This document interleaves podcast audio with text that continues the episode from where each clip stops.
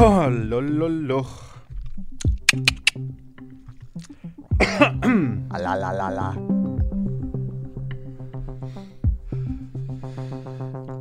Lololololololo.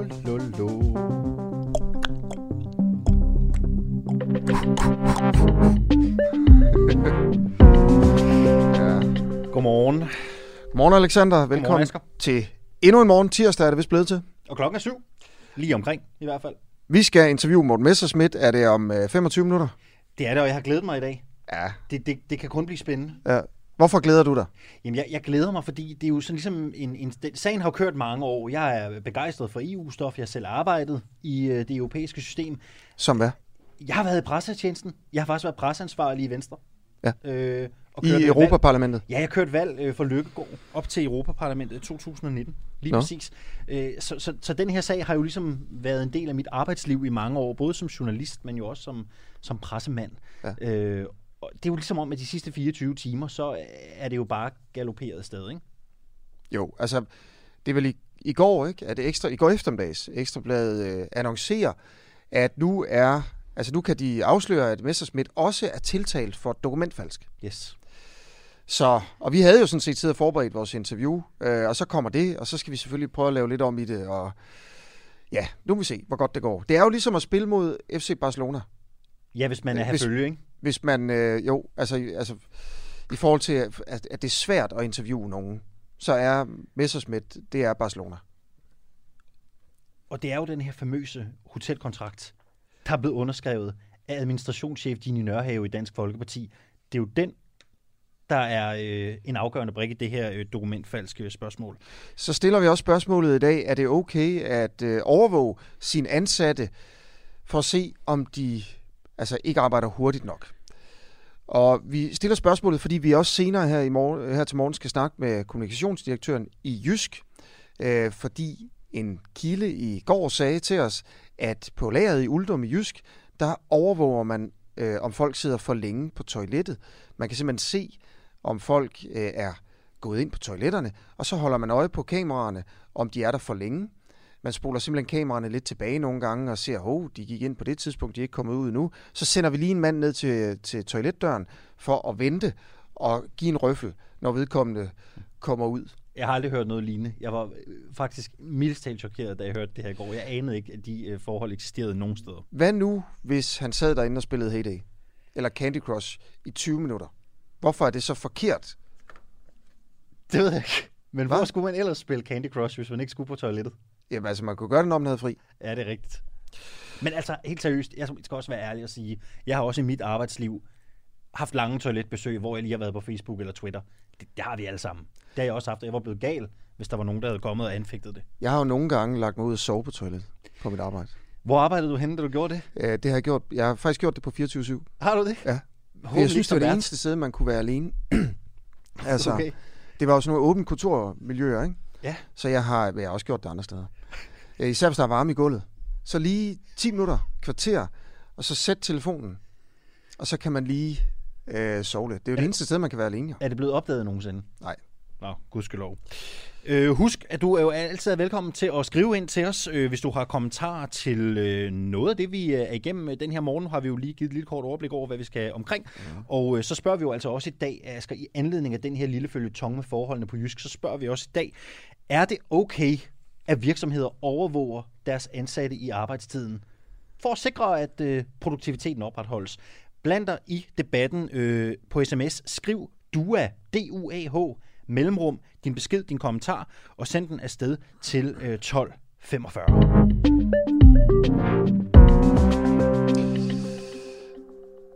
Nye tal er kommet her til morgen. Flere og flere på offentlig forsørgelse.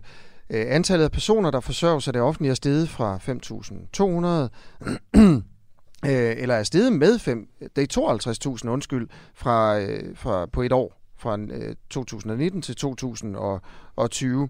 Og jeg har aldrig nogensinde mødt en, der har været i lang tid på kontanthjælp, som siger, at det offentlige system fungerer godt i forhold til at få folk i arbejde. Så vi tænkte egentlig, at øh, det var et godt tidspunkt at spørge øh, dig, Susie Ryan, øh, om, øh, om det sådan fungerer godt med at få kontanthjælpsmodtagere i, i arbejde. Godmorgen. Godmorgen til jer. Øh, nej, det er åbenlyst, det ikke gør. øhm, Måske skal jeg lige præsentere dig, Susie. Undskyld, det gik også ja. lidt stærkt. Øh, du har, altså, der står her i mit papir, at du har været kontanthjælpsmodtager siden du var 14 år ja. gammel. Øh, og altså, du har PTSD, kronisk stress, angst, lændesmerter, øh, og du er i dag i midten af 50'erne og på førtidspension. Så hvis nogen kender systemet sådan indefra, så det dig. Det er rigtigt. Øhm, altså, øh, hvis jeg skal starte et sted, så vil jeg sige, at øh, vi desværre har fået skabt, vores politikere har fået skabt et samfund, hvor det er åbenlyst, at mennesket ikke længere har en berettigelse, fordi det er til, men kun hvis det har en arbejdsevne. Og der vil jeg øh, øh, henlede til, at da man i sin tid valgte at øh, slå aktiv socialpolitik sammen med beskæftigelsespolitikken og gøre det beskæftigelsesrettet, der øh, smed man sådan set en hel masse øh, mennesker under bussen, fordi at der er rigtig mange mennesker, der, øh, der ikke er hele mennesker, der har alle mulige traumer, der øh, har brug for alt muligt andet, før de nogensinde kan komme på arbejde. Og det tog man faktisk helt ud. Øhm, og det skal vi have lavet om igen. Vi bliver nødt til at skille det ad igen. Øhm, jeg skal lige prøve at forstå, ja. du siger, at det her med, at du ikke føler, at, at du har nogen værdi, fordi du ikke kan arbejde. Og at det er systemets Nej, det, Ja, nej, ved du hvad, det er ikke noget, jeg føler. Det, det, det, det er sådan, det er. Altså, øh, hvis du sidder, du mangler et arm, du mangler et ben, du har ikke nogen arbejdsevne, du har et, et minimum arbejdsevne, og så bliver du simpelthen kørt igennem alle mulige arbejdsprøvninger, lige indtil du ikke kan mere, og så kan du få sådan en... Øh, Susie, hvad, hvad, er, hvad er det, du blandt andet er blevet kørt igennem? Altså, for lad os prøve at være, være konkrete. Ja, okay. hvad, hvad er det, du har oplevet? Ja, okay. Altså, øh, jeg, jeg, jeg tror, at den der artikel, der var ude i 16, den beskriver rimelig godt frem til, til da jeg blev syg. Og det gjorde jeg i år 2000. Der, øh, jeg, jeg har jo også været ude og arbejde. Ikke? I år 2000, der blev jeg simpelthen langtidssygemeldt af min læge øh, på grund af stress. Jeg fik et psykisk og fysisk sammenbrud. Øh, øh, og, øh, og blev langtidssygemeldt øh, fra mit job. Og øh, der sker så det, at øh, at jeg, hvad hedder det, snakker med min læge, øh, og øh, bliver så henvist til noget øh, langtidsvej øh, psykoterapeutisk forløb, hvor at jeg arbejder øh, med alle de der ting, jeg har oplevet i mit liv, øh, øh koncentreret to gange tre timer hver uge i knap tre år. Øh, og der øh, får jeg bearbejdet en masse ting, og, og er sådan set stort set ved at være, nu er jeg endelig ved at være klar. Alt det jeg har oplevet, det som man jo kan læse i den artikel der, ikke? Øhm, og øh, flyveklar, eller har fået vinger, eller hvad man siger, øh, det der med at gå ned med stress, det, det er ikke bare, nu jeg er stresset, det er, at du simpelthen bliver så syg, så du ikke kan læse en bog. Altså, det er lidt ligesom at starte helt forfra. Øh, og så går jeg igennem det der forløb, og øh, midt i forløbet, der øh, blev jeg pludselig kaldt til en jobsamtale øh, på øh, jobcentret, eller det hed det ikke dengang, det hed socialkontoret. Øh, og øh, så kommer jeg ind, og så kommer der, og så lige på det der tidspunkt, der har man så valgt, at nu skal vi lægge det hele sammen. Øh, og øh, så kommer jeg til et møde, og så er der en af de der rigtig øh, smart far jobkonsulenter, der lige laver en lang øh, salgstale til mig om, at jamen nu skal han nok få mig et job, og sådan og sådan og sådan, og jeg får nærmest et chok, og øh, de der øh, psykologer, jeg går hos, de måtte, øh, ja, de måtte bruge meget energi på ligesom at forklare kommunen, at man kan jo ikke stoppe midt i sådan et forløb, så øh, går alting tabt, og jeg falder fuldstændig ned i et stort hul. Så jeg fik lov at gøre mit forløb færdigt, men efter der, der sker der det, at jeg sådan set bliver parkeret, hvor jeg... Øh, jeg beder om at få lavet en afklaring, og det første, der sker, det er, at jeg sådan, øh, kommer i det, der hedder... Øh, det der, det, der hedder i kvikkær, så får jeg sådan et forløb, hvor, øh, hvor jeg får sådan et forløb, hvor at, øh, der er øh, 12 øh, ugers træning. Og Undskyld, må jeg så har man, et øjeblik? Ja, det må du gerne. Susi, det er bare fordi, øh, det, det er selvfølgelig også, også vigtigt, du er i gang med ligesom at fortælle, en, en meget mm. kronologisk historie. Jeg tænker, vi har måske ikke rigtig tid til det, Susi. Nej, okay, det er orden, men så, så lad os lige, så lad os lige gøre den... En ting, okay. som, øh, som, som øh, systemet kunne gøre bedre, bare helt kort. Fordi vi skal nemlig videre til Ukraine. Der er, en, øh, der er jo troppeopbygning ved grænsen. Hallo? Hallo? Hallo? Ja, hallo? Hallo? Hallo? Hej, jeg kan godt høre dig. Ja, øh, der, der var et eller andet med Ukraine, så jeg blev lidt forvirret. Nå, men det er bare indslaget bagefter. Men Susi, Jo, det man skal gøre, det ja. man kan gøre bedre, det er selvfølgelig, at man skal have øh, utrolig meget mere faglighed. Altså, øh, det kan jo ikke hjælpe noget, du øh, sidder og øh, har, eller du har ansat folk, som ikke har et my af psykologisk indsigt. Og så skal vi have gjort noget ved det menneskesyn, øh, og så skal vi have skilt det der aktiv socialpolitik og beskæftigelsespolitik, hvor aktiv socialpolitik, det handler om at hjælpe mennesker. Okay. Øh, det er jo fuldstændig røget ud. Der er jo ikke noget af det mere. Det handler bare om at få folk i arbejde. Susi Ryan, tusind tak, fordi du vil være med. Kontantsmodtager siden øh, du var 14 år. Altså, og ja, tak for, tusind tak, fordi du vil øh, fortælle, hvad du mente om, om den sag. Og det er jo altså, fordi der er mange flere på offentlig forsørgelse nu, øh, end der har været før. Det er steget med 52.000 personer fra 2019 til 2020. Og vi har jo et fuldt øh, program i dag, derfor skal vi også videre øh, til, til Ukraine, men øh, det der også kunne have været sjovt, hvis vi havde haft mere tid med Susi, ja. altså hun har faktisk boet i 20 forskellige kommuner, mens hun har været på kontanthjælp. Jeg kunne godt tænke mig at høre, hvilken en har egentlig været den værste? Jamen, altså i forhold til, hvor stor forskel der er på, på kommunerne, og hvilken hjælp der nu er til, til nogle af de svageste i, øh, i vores samfund.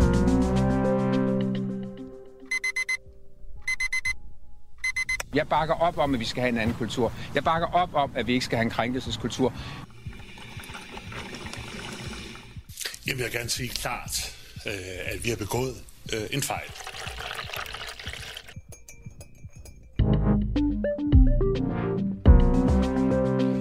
Du fik allerede teaser for det for et øjeblik siden, Asger. Vi skal en tur til øh, det store udland. Vi skal en tur til Ukraine, eller i hvert fald grænsen til Ukraine. Ja, der er troppe øh, opbygning fra russisk side, og øh, Peter Viggo Jacobsen, du er lektor på Institut for Strategi. Øh, godmorgen. Tror du, russerne Godmorgen. angriber ind i Ukraine?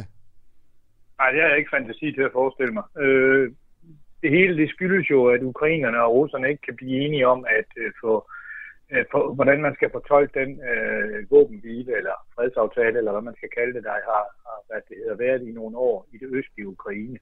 Og det har så fået øh, ukrainerne til at sende flere soldater til, til grænsen, og der har været noget uro. Og det, som russerne så har valgt at gøre, det er lige at demonstrere over for øh, ukrainerne, hvem der er de stærkeste. Så de har ikke bare sendt flere, øh, rigtig mange flere soldater til grænsen i det østlige Ukraine, de har også lige sendt nogle soldater øh, ned sydpå, ned ved Sortehavet til grænsen der, og så siger de jo sådan set til ukrainerne, hvis I begynder at skyde i det østlige Ukraine, så skyder vi igen, men vi angriber også ned i det, i det Sortehavet. Har I lyst til det? Så det handler jo altså om, at man spiller med musklerne for ligesom at presse modstanderen til at lade være med at begynde at gå i krig. Så jeg ser det her som det, man i, i krisediplomatiet med et amerikansk ord kalder brinkmanship. Altså man prøver at gå lige til kanten med det, af krig, med det formål at presse modstanderen til at komme med nogle indrømmelser. Øh, men, men, men det ser ud som om, at, øh, at det i hvert fald ikke lykkes for Ukraine. Så jeg tror bare, det er russerne, der har der demonstrerer over for ukrainerne, de er de stærkeste, så ukrainerne lader være med at bruge militærmagt. Peter Viggo, du har været lidt inde på det. Vi, vi, vi er jo sådan et nystartet medie her, ikke? og vi, vi, øh, vi lever jo kun af vores abonnementskroner, så vi skal, jo, vi skal jo levere noget, som alle de andre ikke leverer. Og havde det her været P1 Morgen, eller øh, Radio 4 Morgen, eller et eller andet andet, så havde, så havde vi snakket om, om en analyse, og, og, og hvad betyder det her øh, på, på den lange bane og på den store geopolitiske scene. Men kan du ikke sådan helt konkret prøve at gøre os klogere på, hvad er det egentlig, der sker ved grænsen lige nu? Hvad er det, man ser dernede, hvis man kigger derned? Ja, det, det er jo et godt spørgsmål, for jeg sidder ikke og kigger på grænsen. Det, jeg primært interesserer mig for, det er beslutningsdagen inde i, inde, i, inde i hovedstederne, og hvorfor man sidder og fører skakbrækkerne på den måde, som man gør. Men i og med, at der er tale om en, en militær opmarchering, så sker der jo det, at øh, så der er flere soldater til stede, de er mere synlige i området, og der er sandsynligvis også noget uro og nogle skyderier hen over grænsen. Men det handler altså om, at man i modsat til, hvad man normalt vil gøre med militære operationer, hvor man holder ting hemmelige og prøver at opnå et overraskelsesmoment, øh, så man kan, kan, kan, kan tage fjenden på sengen og opnå nogle fordele hurtigt, og måske få et, et frontgennembrud. Så handler det her om, at man, meget, man er meget synlig i sin, øh, hvad det hedder, flytten med sine militære styrker, fordi man ønsker at, at sende et signal. Man ønsker ikke at komme i krig. Man ønsker at pusse sig op og se og vise jer den stærkeste. Så gør, som jeg siger.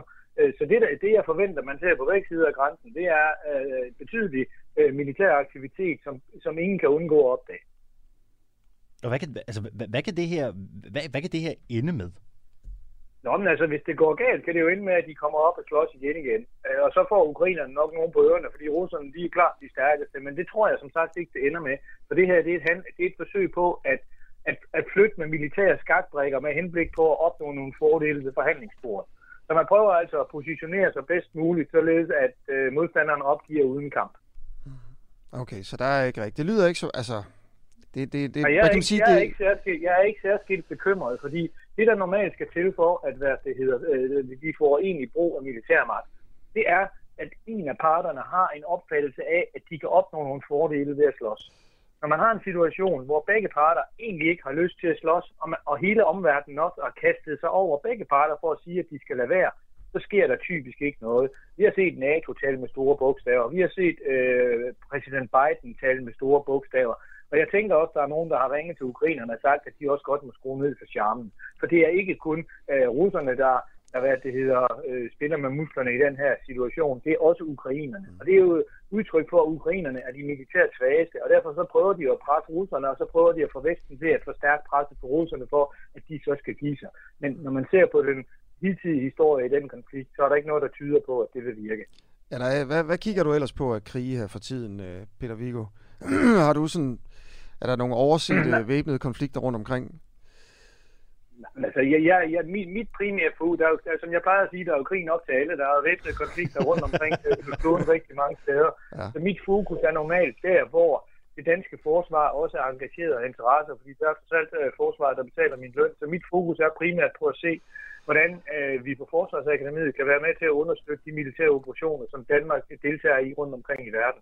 Og der siger det sig selv, at i og med, at Biden, surprise, surprise, lavede en Trump, og pludselig øh, som et lyn fra en klar himmel fortalte, at nu øh, forlod amerikanerne Afghanistan, så har vi selvfølgelig brugt lidt tid på at sidde og kigge på, øh, hvad skal der til at ske i Afghanistan, hvordan ser situationen ud nu, og man sidder jo også og reflekterer lidt over, at nu har vi været i krig der i 20 år, og hvordan er det så egentlig gået. Okay. Brie, Vi har et spørgsmål her fra en lytter, Jan Kristoffersen, inde på Facebook, har lige skrevet for et minut siden, at Rusland rasler med sabelen. Hvordan påvirker det EU's position på Nord Stream 2? Vil han gerne vide. Kan du ganske kort, Peter Vigo, svare på det?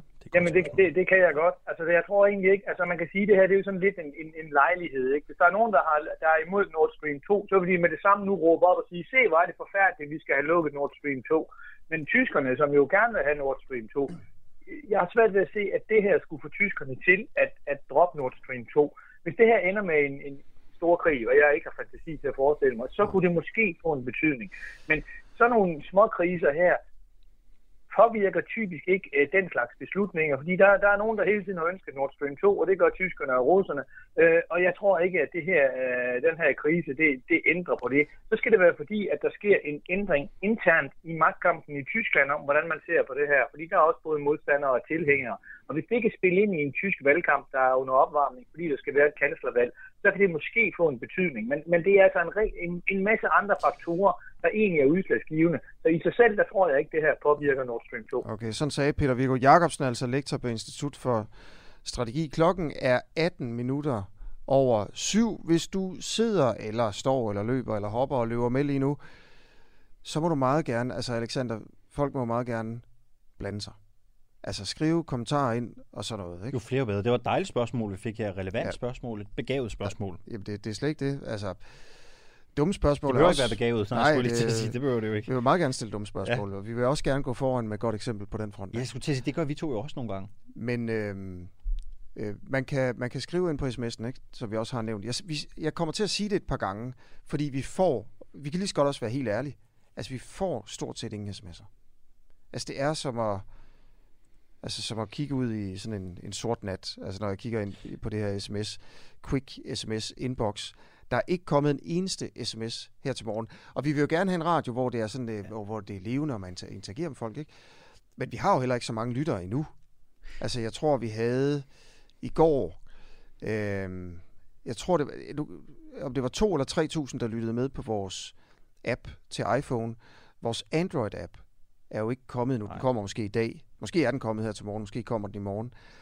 Øhm, Men det er jo så kun lyttere på den app, tænker Ja, jeg. Fordi så så er er, der- der... jo DK4-appen, og øh, dem, der har set med på DK4, og dem, der har været med på Facebook, ikke? jo, så måske i omegnen af 4-5.000 i alt. Det er sådan en god dansk provinsby. Øhm, men altså, ja, det kan man sige, det er en lille by, Ja, en der lytter by, med. der- Det lille kan jo by, være, der det er en med. hel by, der bare, det er bare den, der lytter. Så må Ja. I godt øh, meget gerne skrive ind, altså, fordi det er sjovere, simpelthen. Og, og så vil jeg bare sige til dig, du har selv prøvet det før, ikke? men altså, Ja. jeg var med til at starte Radio 4, da det Mhm. startede. Og der var det jo det samme, ikke? Altså, det var svært at ligesom få gang i sms'en og få folk til at ringe ind. Ja, ja. Og lige pludselig så kommer det jo. Det er også fint Altså. nok. Det er også fint nok. Det var bare lige for lige at nævne det, ikke? Asger, øh, vi plejer jo også lige at sådan tage et blik ud i øh, det store ind- og udland, fordi vi har jo nogle af vores ting, vi har på tapetet, som vi løber ja. igennem her i løbet af den næste times tid.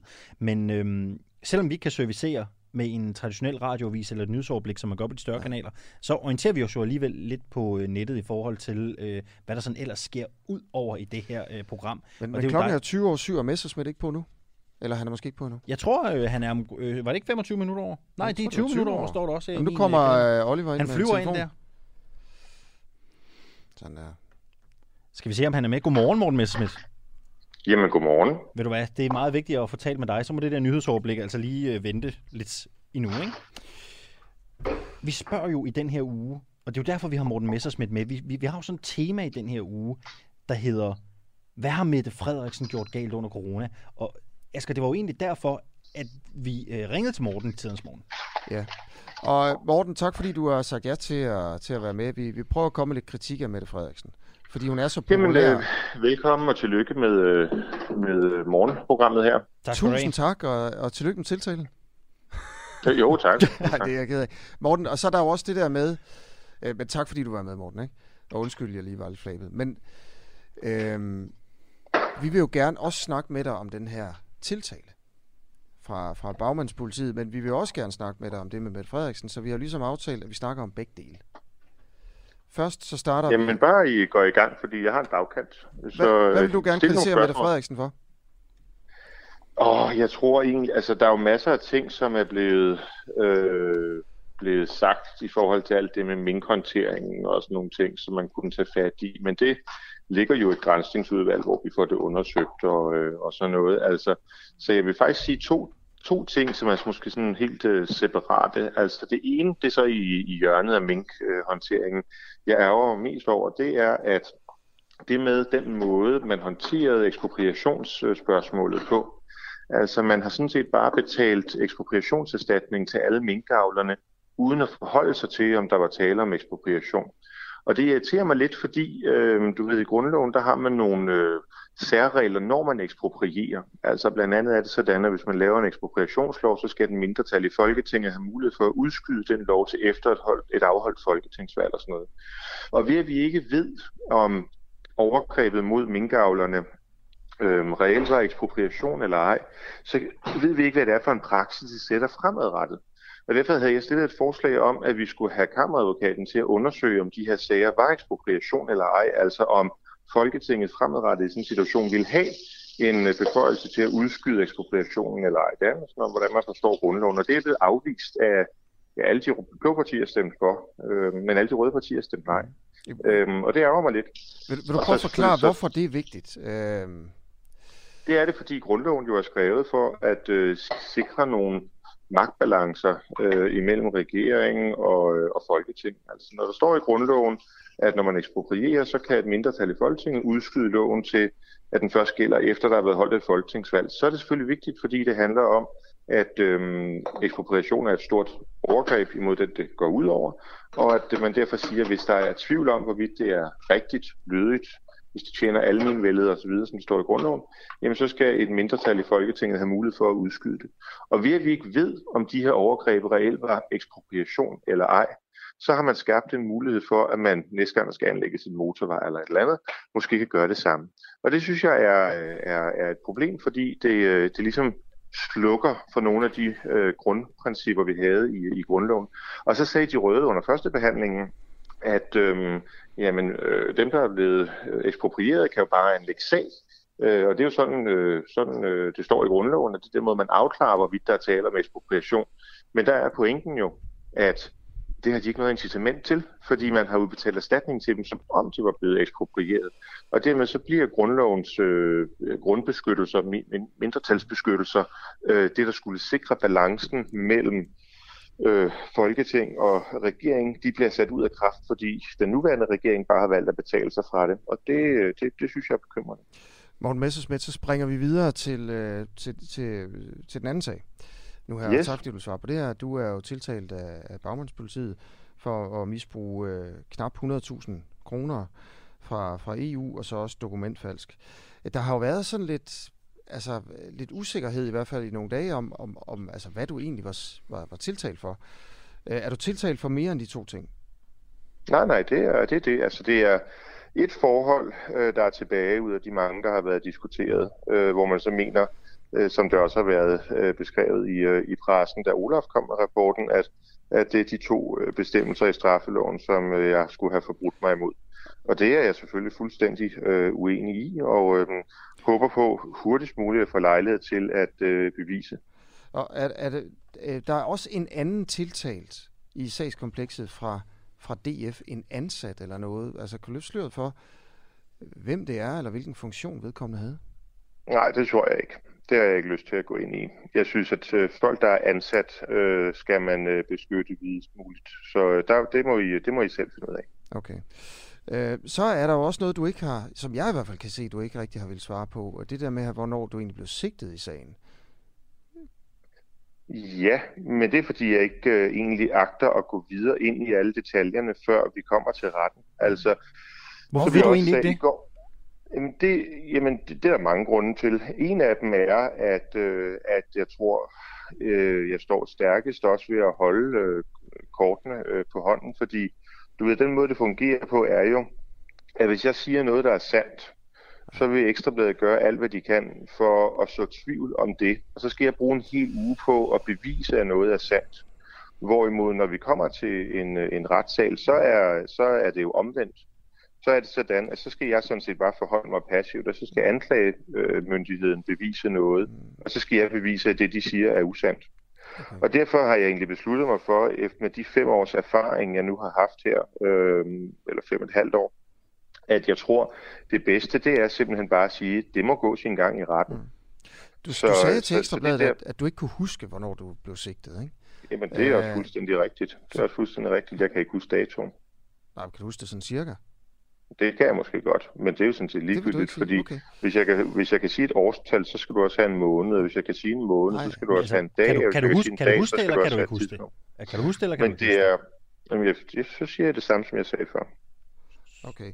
Ja, fint nok. Øhm, så er der jo et andet spørgsmål, vi lige vil stille dig, Morten. Øh, og det handler om de der bilag, som Olaf Ja, efterspurgte. det vil jeg meget gerne tale om. Godt. Mens Olaf gerne ville have dem, øh, der har du sagt, at de var et sikkert sted. Kan du fortælle os, lige præcis. hvor bilagene var? Helt konkret. Ja, det var som bare hjemme hos mig selv. Hvorhen hjemme hos dig selv? Bare i, i, en skuffe, eller? Øh, nej, altså i et klædeskab. Okay. Og, og de her bilag, ikke? Hvorfor var det, at du ikke ville give dem til Olaf? Hvis du Jeg ikke at allerede der, øh, er du inde på en øh, præmis, øh, som er farvet, fordi det er overhovedet ikke sagen. Altså, jeg har på et intet tidspunkt øh, ikke ville udlevere øh, bilag til øh, hverken Olaf eller, eller politiet, eller hvem der har spurgt om det. Altså, og det, det er jo sådan nogle ting, som også bliver fedt at få lov til at, at sige og belyse i pressen, eller i retten, hvor der er nogen, som, som rent faktisk gider interessere sig for sandheden. Fordi det, der er den barokke virkelighed, og det vi jo også min advokat kunne bekræfte, alt den stund, det var ham, der øh, stod for korrespondancen, det var, at da Olaf henvendte sig, så sagde vi, øh, at selvfølgelig vil vi øh, medvirke til alt. Jeg vil bare gerne kende min retlige stilling inden. Altså ligesom jeg tror jo, det var professor Eva Schmidt, der sagde, at det var den helt almindelige fremgangsmåde. Det er det, der følger af den danske retsplejelov, at øh, hvis man får en henvendelse, så skal man få oplyst, om man er tiltalt, eller om man er mistænkt, om man er vidne, eller hvad det er. Og det gik der noget tid med, og det ville de ikke oplyse. Og så øh, sagde vi, at altså, vi skal jo på en eller anden måde videre her, øhm, fordi øh, sagen øh, skal jo på en eller anden måde nyde, nyde fremme. Så jeg tog så de forbehold i forhold til, til, til retsplejeloven, øh, som jeg mente var, var de rigtige. Og hvorefter jeg sagde til øh, Olaf, I kan øh, få øh, arkivet, som I, som I har lyst til. Så sagde de, og det her har vi på skrift, hvis I ikke stoler på mig, det gør jeg nok ikke. Øhm, så, øh, så sagde de, at øh, vi vil ikke have originalerne. Vi, du skal tage kopier. Aha. Og så svarer jeg tilbage til dem, at jeg altså ikke tænker mig at stå og bruge to dage på at lave kopier. Altså, så må I, så må I skulle sende en herop og tage kopierne, hvis det er det, der er, hvis det er, det, der er udfordringen. Og det ville de så ikke. Og det endte det så ligesom. Og så endte det med, at de så fik, så tog jeg kopier af det, som de specifikt sagde, altså øh, den og den og den event, der vil vi gerne have, hvad der ligger, og du ved, så udpegede de sådan. Og så sagde jeg, men fint, vil du så, så tager jeg kopier af det, og så, så giver jeg arkivet til, til politiet, og så kan I jo snakke med dem. Okay.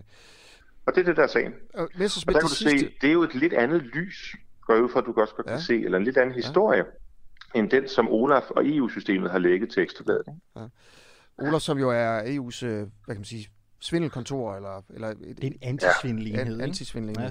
Ja. Øhm, Messerschmidt, det sidste spørgsmål. Du er sigtet, tiltalt undskyld, for øh, dokumentfalsk.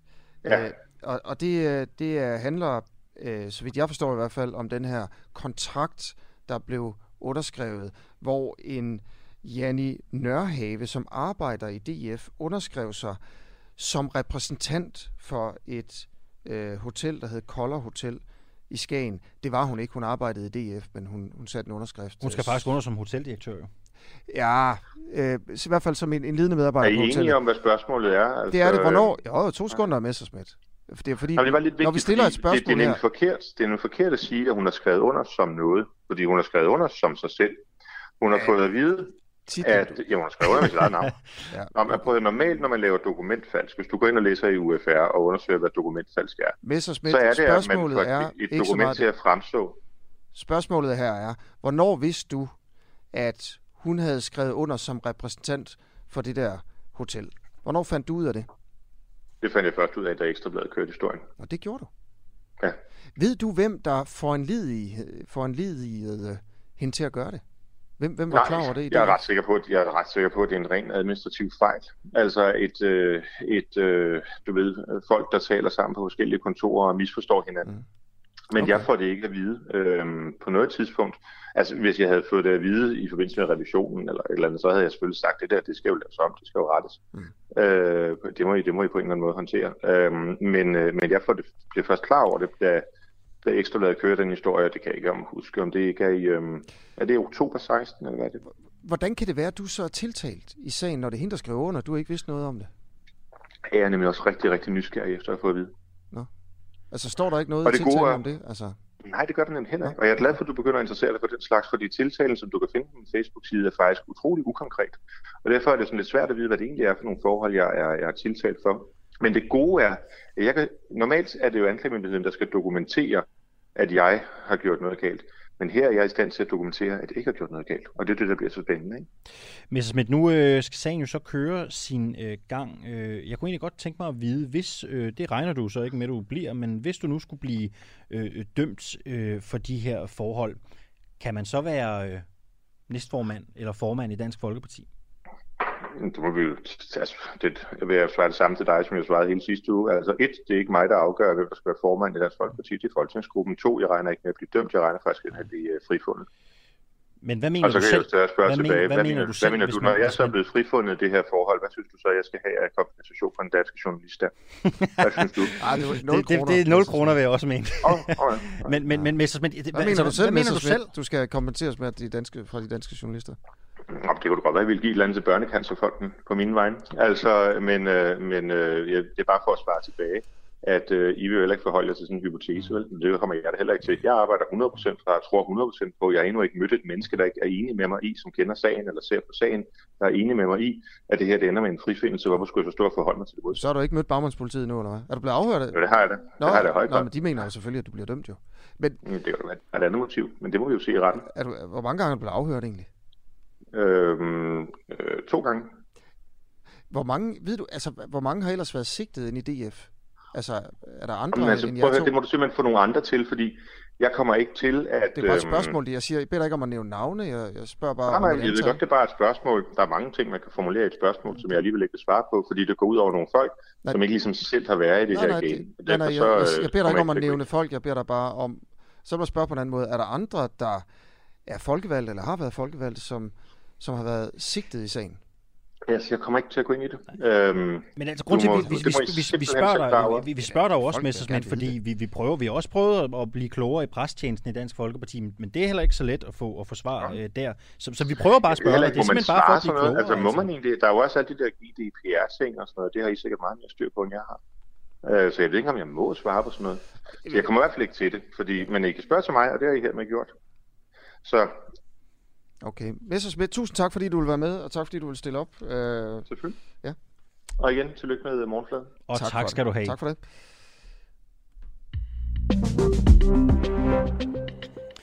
Ja, Ja, det bliver spændende at følge. Det er nok ikke sidste gang, vi har beskæftiget os med den her sag. Er der et eller andet, der, der siger mig? han er jo en, en lojal gæst faktisk i den uafhængige ja. Messersmith. Øh, Jeg har altid prøvet, øh, eller vi har altid prøvet at gå hårdt til manden, ikke? Ja.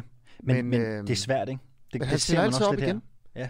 Og det, det synes jeg også bare, ligesom også for eksempel sådan en som Jeppe Brugs og andre. Ja. Altså, der stiller op til, til tæsk øh, rigtig tit. Nå, men prøv at høre, i dag, det, det, kræver, det kræver den også at stille op. Men man kan også, man kan også der er- og det ved jeg ikke, om du lagde mærke til, Asger, altså der, der er jo også, man, man er ikke i tvivl om, det er en jurist, man har at gøre med her, vel?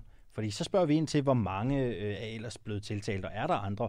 Og så bliver det en snak om GDPR, og hvad må man udlevere, og hvad må man... Der er, der er noget... Ja, jeg tænkte nu, det var mest en politiker, hvad gøre. altså, han vil jo ikke svare på, hvornår han blev sigtet. Nej. Det nægter han at svare på. Så nægter han også i det her interview at svare på, om der har været andre sigtede i sagen. Øh, om der har været andre folkevalgte fra DF, der er sigtet. Der skal man lige forstå det her med at være ligesom, altså før man ender i en domstol, så er der ligesom nogle etapper. Først bliver man sigtet. Så det er der, hvor politiet de ligesom er ved at undersøge. Altså de har undersøgt en smule, men de skal også undersøge meget mere. Så skal politiet finde ud af, at man så skal tiltales. Mm. Og hvis man så bliver tiltalt, så ender man med garanti i retten. Og det er det, Messersmith er blevet. Først blev han sigtet, han vil ikke sige hvornår. Spørgsmålet er også, om han blev sigtet. Øh, om han var sigtet, dengang han blev næstformand i Dansk Folkeparti. Det kunne godt være, at medlemmerne for eksempel synes, at det var forkert, at de ikke fik at vide. Hvis, hvis du lytter med lige nu og er medlem af Dansk Folkeparti, kan det godt være, at du føler dig taget ved næsen, hvis Messersmith var sigtet, da han blev næstformand, men, øh, men bare ikke ville sige det til nogen. Altså har holdt det hemmeligt, og det, er jo, det har han jo holdt hemmeligt. Han har holdt flere ting hemmelige i den her Ja. sag. Han har også holdt hemmeligt, at han faktisk var, var, var tiltalt for dokumentfalsk. Ja. Det skulle Ekstrabladet afsløre, før han ligesom sagde det. Og jeg, jeg, jeg forstår sgu bare grundlæggende ikke. Altså, øh, Dansk Folkeparti har jo altid slået på trummen for mere åbenhed i, i EU, ikke? Og når pilen så peger på, på dem selv, så, så får pipen lige pludselig en, en anden lyd. Og jeg synes også, det var mærkeligt. Altså, jeg synes egentlig, det spørgsmål, jeg stillede sidst, var ganske udmærket. Altså, hvis man nu bliver, bliver dømt for de her forhold, kan man så være næstformand, eller måske endda potentiel formand i Dansk Folkeparti. Og det, det, det, altså, det er jo ikke et svært spørgsmål at svare på, vel? Altså, Nej. det må, være, det må være lige til. Tænk, hvis det havde været i et andet parti, hvor der havde været svindel med, med midler. Det er der også en af vores lyttere her, Ken Kierkegaard Jensen der, fra Dronning Lund, der skriver. Tænk, hvis der havde været et andet parti, der havde svindlet med midler, og man i Dansk Folkeparti havde fået, havde fået nys om det. Så, så tror jeg, at pipen havde haft en anden lyd. Jeg kan tage fejl, ikke? Ja. Det er jo bare min øh, umiddelbare øh, hypotese. Okay.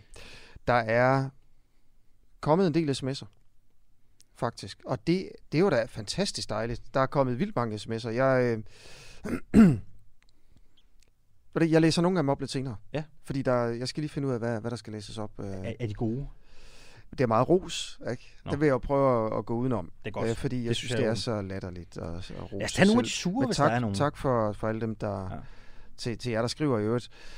Øhm, Jeg blev afbrudt for et øjeblik siden, Asger, i Mette. Frederiksen har vist os, at grundloven ikke er, er det papir værd, som den er, er skrevet på. Er der en, øh, en, en kritisk lytter. Så er der en, der spørger, hvor kan jeg høre jeres program? Det er for bøvlet med Facebook, så kan man jo ikke bruge sin telefon til andet imens.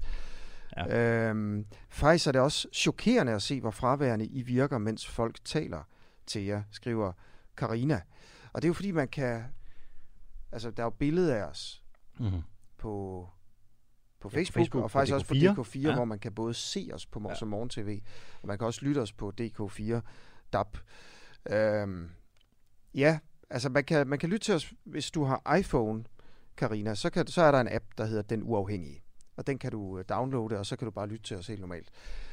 Hvis du, hvis du har en Android, ligesom jeg har, øh, så kan du gå og vente på den app, der kommer, og det gør jeg. Den kommer i dag, eller i morgen, eller i overmorgen. Og imens, så kan du downloade den app, der hedder DK4 DAB. Og der er vi også, mm. altså live. Og så kan du bruge din telefon til andre ting.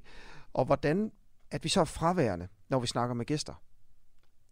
Det er rigtigt. Altså, det kan man jo gå ind og se på, på Facebook og, og på det der tv.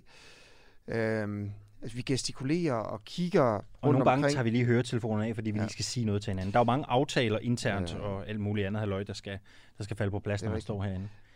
Vi prøver at lytte efter, så godt vi kan. Men det er jo ikke tv, vi laver jo. Og Asger, nu, ja, nu, nu spørger jeg dig simpelthen bare direkte, og, og, og hvis, hvis du ikke har noget på bloggen, skal du bare sige det til mig. Ikke? Mm. Det, det er det nyhedsoverblik der. Ja. Har, du, har, er der noget spændende at fortælle om, eller, eller, eller har vi, eller er, sker der ikke jeg, noget, jeg der synes, er det værd er at en, nej, nej, der er, noget, der er nogle ting, der, der er værd at, at tale om. Inden udsendelsen, så løber jeg lige øh, nogle, nogle hjemmesider igennem for at se, om der er nogle, øh, nogle spændende nyheder. Det er en nyhedsfattig dag. Jeg vil sige, at vi er på, to, Mhm. øh, på en to, toer på, på, på en 10'er-skala. Øhm, jeg vil bare nævne det, der også altså, var, var fremme i går aftes med, øh, at en række storklubber i Europa i fodbold, de vil lave deres egen liga. De vil simpelthen droppe UEFA. Øh, Det er sådan noget som Manchester United og Barcelona og Juventus og sådan nogle. De vil bare lave deres helt egen, de kalder faktisk en Superliga. Mhm. Øh, Og så vil, de, så vil de droppe ud af de nationale ligaer, ud af Champions League og alt det her. Folk er sure, der er mange, der mener, at de, de svigter fansene og sådan en tradition og en, en, en historie. Øh, fodboldforbundene, DBU for eksempel, og UEFA, de er også super sure. Øh, de mister jo magt. Og de vil så muligvis smide de her øh, store hold ud af Champions League allerede på fredag. Mhm. Og der vil jeg bare lige nævne en enkelt ting. For jeg har læst den igennem, øh, en artikel, et interview med ham fra DBU, og han siger her til sidst, hvis man ikke ønsker at være en del af den europæiske sportsmodel, og det er jo det, han kalder, øh, han, han kalder UEFA ja, og DBU præcis. og alt det her, som vi kender det i dag, så kan jeg heller ikke se, at man kan spille på landsholdet. Ah, okay. Og, og så han siger altså, han tror simpelthen med, at danske landsholdsspillere, som Christian Eriksen for eksempel og andre, der spiller i nogle af de her superklubber, at de ikke længere må spille på landsholdet, hvis deres klubber gør det her. Så er spørgsmålet, om det har nogen konsekvens, ikke? Om det kan få nogen til at trække bremsen. Ja, eller spørgsmålet om det er forkert. Ja. Altså fordi, jo, det, er jo, det er jo sådan et, de her kæmpe klubber, det er jo, det er jo styret af rige mænd, der bare vil tjene flest mulige Mhm. mm-hmm. penge. Sådan er det jo også i forvejen. Altså det er jo ikke sådan... Men, men øhm, Altså, det er jo markedsvilkår, ikke? ja, ja, På en eller anden måde. Det, det er sådan, det er. Altså, jeg vil bare sige, altså de skal da ikke tage de bedste spillere af landsholdet, bare fordi der er en eller anden magtkamp mellem den ene liga og den anden liga. Eller hvad? Det var, hvad jeg tænker om den. Og så en anden øh, lille åndssvag historie. Øh, der jeg ved ikke, om det tilbage, kommer til ud. Jeg, jeg er sgu lidt ligeglad med fodbold. Jeg går sgu ikke op i det, Nej, nej. for at være helt ærlig. Nej, nej. Men, der, men væsentligt er det da. der bliver tilbage kaldt noget goudaost. Det kan være, du går med op i det.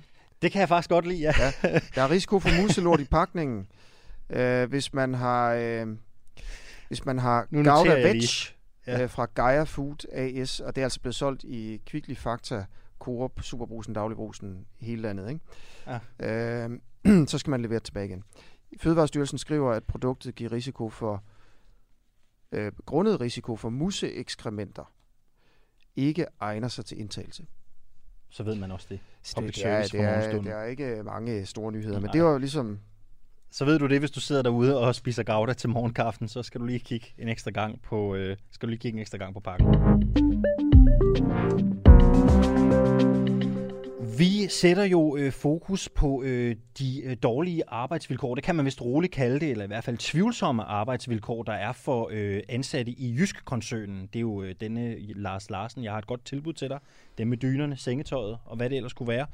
Øh, det sætter vi fokus på i den her uge. Vi talte mm. jo med en øh, tidligere ledende medarbejder i går, som kunne fortælle om forhold på lageret i Uldum, hvor øh, man blandt andet overvågede medarbejderne i forhold til, hvor lang tid de var på, øh, i forhold til, hvor lang tid de var på toilettet blandt andet. Nu skal jeg lige se, jeg skal lige finde en... Øh, finde, øh, bum. Dengang jeg var der, så der, der filmede de jo hen langs med toiletdørene. Ik- ikke ind imod toiletdøren, men sådan hen forbi toiletdørene. Og der kunne de jo stå og holde øje med, om, hvornår folk gik på toilet, og hvor lang tid det tog. Og hvis det tog for lang tid, så skulle jeg for eksempel være hen og, og påpege over for en medarbejder, jeg har prøvet det en gang, og, og, og påpege over for ham, at han har været på toilet for længe. Og så skulle jeg stå og vente uden for døren, indtil han kom ud. Og det, det, var, det var meget ubehageligt at skulle påpege over for en, for en ansat, at nu har du været på toilet så så lang tid, nu skulle du give mig en forklaring på, hvorfor. kommunikationsdirektør i Jysk, Rune Jungberg Pedersen. Godmorgen. Godmorgen. Vi skal lige høre, om I øh, overvåger øh, toiletområdet for at se, om folk er for lang tid på toilet i jeres lager i Uldum? Nej, det gør vi ikke. Det kan jeg svare helt klart nej til. Lyver den her tidligere medarbejder, vi havde med igennem så, når han siger, at det gør I? Jeg vil sige, den, den, den historie, som, som, han hørte i, som jeg hørte i går, nu, nu ved jeg ikke, om I spillede noget igen, fordi der var et eller andet, jeg kunne ikke lige høre lyden, men, men det, som, øh, det, som den tidligere medarbejder Mikkel fortalte i går, det var en episode, hvor, hvor der var en medarbejder, der havde været væk i, øh, i meget lang tid, øh, og, hans, øh, og, og den truck, han kørte på, stod nede foran toilettet, og der var han nede og, og, og kigge efter, om den pågældende medarbejder var, var, var okay, og man kan sige, det, det synes jeg ikke er overvåget medarbejder. Hvis en af mine medarbejdere stillede sin computer ude foran øh, toilettet, og så øvrigt var væk i 20 minutter, så, så tror jeg også, jeg ville lige Så tjekke, om Vi skal, vi vedkommende skal var lige okay. være helt sikre på, hvad han fortalte i går. Ham her, øh, vi snakkede med. Han var altså tidligere, tidligere sådan højre hånd for ledelsen på lageret i Uldum. Han siger... Ej, det, det, og det, det, det, vil, jeg- det vil måske også sige, det, må, det, det er højre hånd for, for, for, for ledelsen. Det er nok også måske en, en overdrivelse, men han var områdeleder, det er korrekt. Ja, Fint nok. Han, han er på arbejde, så bliver han kaldt ind i det her kontrolrum, hvor der er nogle ledere, som så siger, prøv at vi har en medarbejder, som vi, og vi kan se, at han har ikke kørt på sin truck i 20 minutter. Så spoler de kameraerne tilbage, øh, og, og kigger på dem, hvor han set sidst, og så finder de ud af, at han har parkeret sin truck hen ved toiletterne, fordi I overvåger, øh, I filmer det sted, hvor man går ind til toiletterne. Så bliver han sendt derned for at stå foran toiletdøren og vente på, at vedkommende kommer ud, hvorefter han ligesom skal sige til ham, det var, det var, det var ikke okay, at du var på toilet i 20 minutter. Den, krono, den, den fortælling om, hvordan det foregår, så kan vi så tage, om det er forkert, eller om der ikke er noget galt med det, eller, eller et eller andet, som, som der bliver beskrevet her. Er den korrekt? Hvis, nu har jeg jo ikke været der, det har Mikkel selvfølgelig. Hvis, hvis det, der er beskrevet af Mikkel, er korrekt, så er det jo ikke sådan, øh, vores, med, vores, vores, medarbejdere skal opføre sig. Øhm, og, og det, Hvem, og det er hvem jo selvfølgelig medarbejderne klart- eller, eller lederne? Altså, hvem har gjort noget forkert? Ja, men, ja, men lederne, dem, altså, det, det, det, nej, nej ikke, ikke dem, der er gået på toilet. Ja. Nej, det er klart, at, at de, hvis, hvis- de, hvis Mikkel er blevet sendt derned på den måde, at de leder, så er det jo ikke sådan, Nu siger du de hvis. skal bruge sig. Det er jo, Nu siger du hvis. Du vidste Det jo siden, det- du, det har, gør- du har vidst i cirka 24 timer, at du skulle snakke med os. det er Du har, korrekt. du har hørt det. Har du undersøgt det her? Har du spurgt dem der på lageret, om det var sådan, det foregik? Ja, det har jeg. Var det sådan, det foregik? Øh, og, og, nej, det var, det, var, det var ikke sådan, det foregik i forhold til det, jeg har fået at vide. Hvad har du fået at Øh, vide? men ja, jamen, jamen, jamen, jeg har fået at vide, at det er korrekt, at der er blevet sendt medarbejdere øh, ned for at, øh, at, at spørge, om vedkommende, der var gået på toilettet, var okay. Og, og også selvfølgelig sige, at hvis det er sådan, at man, øh, at man for eksempel har dårlig mave, så vil det være rigtig fint, hvis man, hvis man siger det, øh, når man møder på arbejde. Så er som en, klart, som, en, som en service, så, skal man stille, så, så stillede han sig ned. Altså, skal du, vil du virkelig have, at vi skal tro på det? Altså, at han stillede sig ned som sådan en hjælp for den medarbejder, der var på toilet, og muligvis havde dårlig, dårlig mave, så kunne han ligesom stå uden for toiletdøren, hvis, hvis, hvis, hvis vedkommende skulle have brug for noget. Ej, det, ej sådan, ja, det jeg, det jeg Hvorfor siger stod er, han så at uden er for jo- den toiletdør? Jamen, fordi han skulle ned og se, om vedkommende var okay, og det er selvfølgelig Han, også fint han at skulle sagt vente. til folk. Han skulle vente derude, indtil vedkommende kom ud. Var det for bare lige at kunne spørge, er du okay? Jamen, det var da for at finde ud af, hvad der egentlig, hvad, hvad der egentlig var sket eller foregik. Ja, Er det, er, det var norm, på er det normal procedure i Jysk, at hvis folk er lang tid på toilettet, så sender man øh, medarbejdere ned for at stå og vente på dem og spørge, om de er okay? Nej, det er ikke normal procedure. Men hvorfor stod Men- den men her? det- men hvorfor det er stod- selvfølgelig normal procedure. Det er Hvorfor selvfølgelig stod manden normal der så? proce- Hvorfor stod han der så? Jamen, hvis- hvis, hvis- det ikke hvis- er hvis- normal procedure, hvorfor stod han der så? Fordi hvis folk har været væk i meget lang tid, så er det da meget naturligt, at man prøver at finde ud af, hvad der egentlig er sket. Hvor lang tid kan man være på toilettet som ansat i Jysk, før at der kommer nogen ned og står og venter på en og spørger, om man er okay? Det er der ikke nogen regel for. Øh, men det er klart, hvis folk har været væk i, i, i meget lang tid... Hvor og lang tid og skal det, man have og været det er jo svært, jamen, jamen, jamen, det er der jo ikke nogen definition for. Det er jo ikke sådan, at vi har nogle regler for at sige, hvis du har været på toilet så og så lang tid, så skal der stå nogen og vente på dig. Men hvis, men, hvis, men hvis folk de lige pludselig forsvinder et eller andet sted, uanset hvilket arbejde man har fra, eller hvil- hvilken, øh, hvilken jobfunktion man har, så er det jo meget naturligt, at man måske prøver at finde ud af, hvad der rent faktisk er sket. Altså, hva- hvad vil du mene var, fordi nu siger du, hvis man har været væk i lang tid. Du er selv ansat i koncernen, altså, hvornår vil du personligt mene, at det var legitimt, at man gik ned og stod og ventede på toilettet, for at høre, om en, der sad derinde, var okay? Jamen, det har jeg ikke, det har jeg ikke, det har jeg ikke nogen, det, det har jeg ikke nogen definition af, men, hvis- men hvis nu for eksempel, som jeg siger, en af dem, der var ansat i min egen egen afdeling, øh, stillede en, en, en computer i køkkenet, der gik ud på toilettet og var væk i 20 minutter, så tror jeg da, så tror jeg da bestemt også, måske jeg lige ville gå ud og banke på og høre, om det rent faktisk, om vedkommende rent faktisk var okay. Så vil du banke på, mens man stadig sad ude på toilettet? Og spørge om vedkommende Ja, hvis jeg, hvis, hvis, jeg var nervøs, hvis jeg var, hvis jeg var nervøs for vedkommende, ja, så ville jeg da. Altså, der, der er jo desværre også, der har jo også været tilfælde, hvor folk lige pludselig har fået det dårligt. Så ja, jeg synes da, det er meget naturligt, at man et eller andet sted følger op på det, men der er jo ikke nogen regel for det, så det er svært at sige, hvornår det lige præcis, og man skal jo være i den enkelte situation for at kunne vurdere. Det, det Men der, er der med, der, der er øh, ikke et stykke papir for, på, på, hvor, hvor, hvor, hvor længe det så er. en del af den her historie handler jo også om, øh, at, at man spoler kameraerne tilbage. Man filmer jo mange ting på lageret i Uldum. Øh, og det kamera, der så retter hen mod toiletsektionen, det spoler man tilbage ind i det her overvågningsrum, for at se, hvornår han er gået på toilet. Er det forkert? Ja, hvis det, hvis, hvis, ja, det, det hvis, hvis, Og skete hvis, det? Ja, hvis det er forkert, det ved jeg ikke, men hvis, hvorfor, men hvis det du er sket, under, nej, Du har- sagde jo to- lige, du har to- undersøgt To det. sekunder, to sekunder. Ja, du har undersøgt sagen. Det sagde du lige før. Det- har snakket med folk. Har de spolet Jamen, det kamera jamen, tilbage jamen, for at se, om han gik på toilet? man, har, man, har, man har tjekket, hvor, hvor, hvor den trok sidst har holdt. Øh, og, og man kan jo se på, man kan jo se på Mm. trokken, hvor der sidst har været aktivitet. Hvis det var nærheden af toiletområdet, så kan man jo, så kan man jo se, at det, at det, de at det er de der. kameraer? Ja, og så vil man er gå ned og fint. se, om trokken holder nede ved toilettet. Ja, præcis. Det er helt fint, hvis du ikke ved det. Så skal jeg bare sige det. Spolede de det kamera tilbage for at se, om han var gået på toilet? Om de spolede kameraet tilbage, det ved jeg ikke. Du siger, du går meget op i det her, ikke?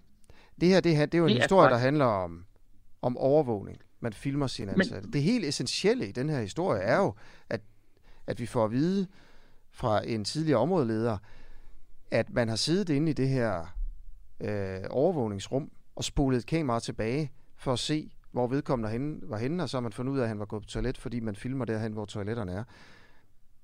Og, og nu har du undersøgt sagen, og du har simpelthen ikke spurgt, men- men- om de spolede det kamera tilbage. Jamen, jeg, jamen, jeg, jeg er også nødt til at sige, at det er jo, det er jo forholdsvis lang tid siden det her det foregik. Mikkel han stoppede den, den 20. juni sidste år.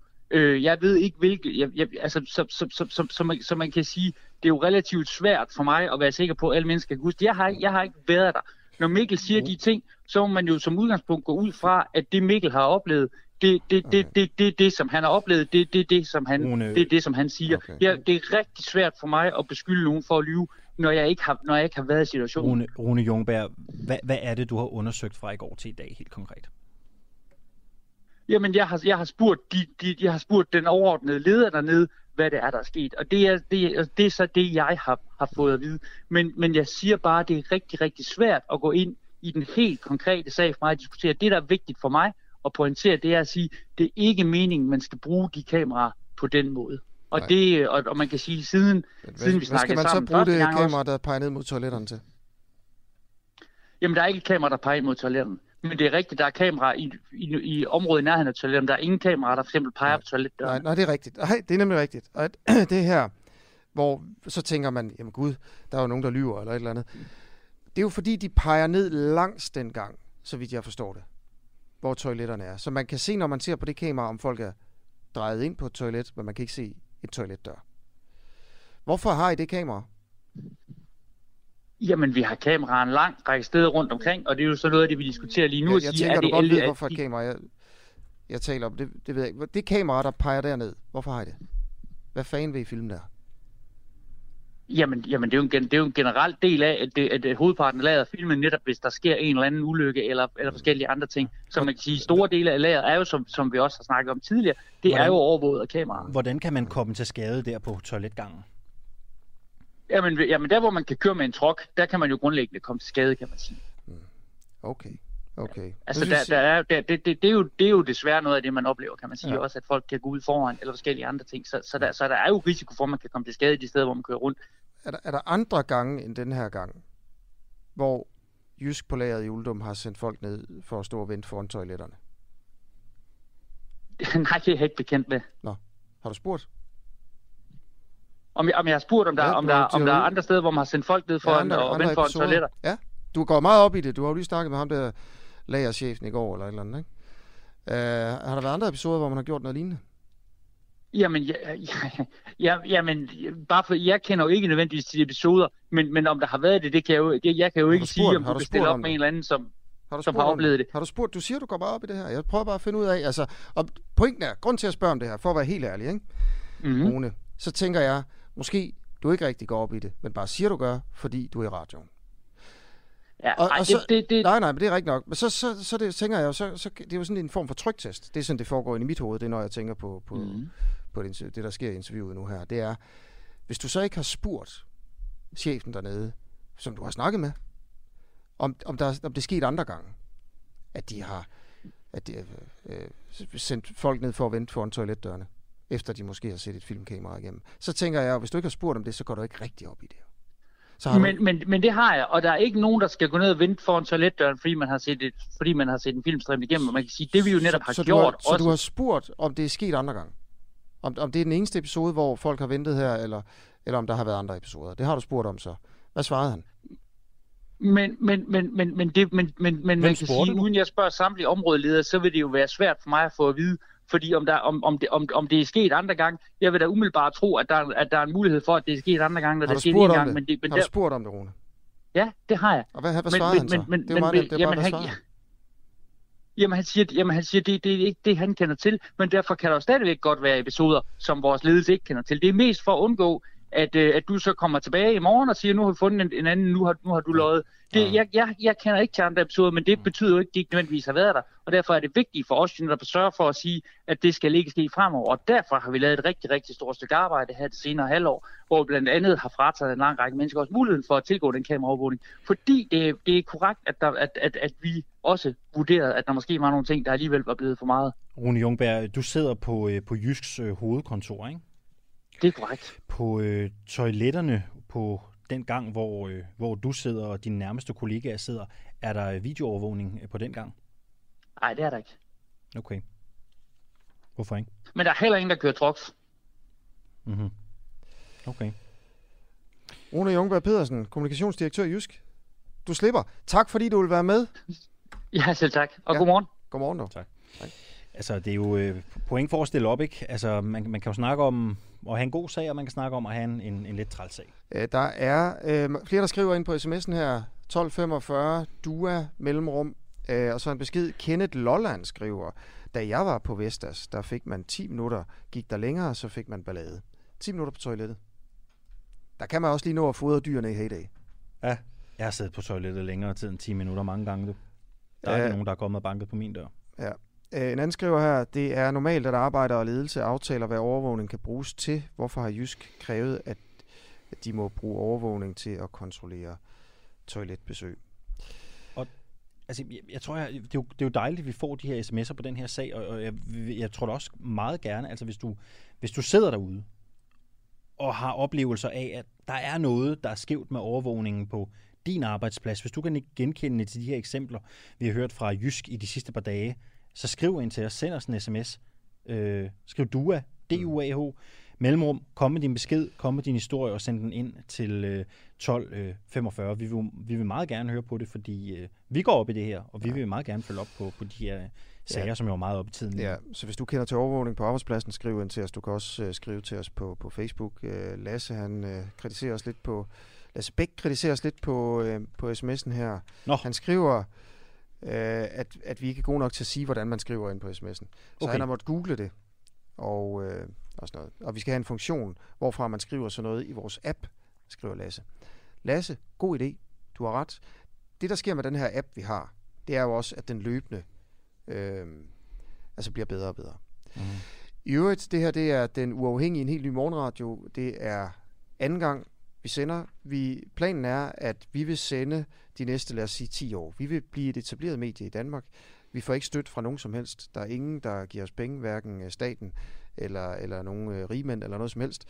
Så det eneste, vi får penge af, det er vores medlemmer, helt almindelige mennesker som dig, der lytter med nu, som vælger at gå ind på denuafhængige.dk og støtte os. Og hvis der ikke er nok, der støtter os, så lukker vi.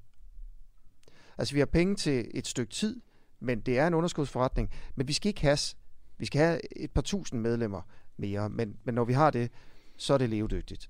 Så hvis du har lyst til at støtte op om det her, kan undvære 39 kroner om måneden, så gå ind på den uafhængig.dk og skriv det op.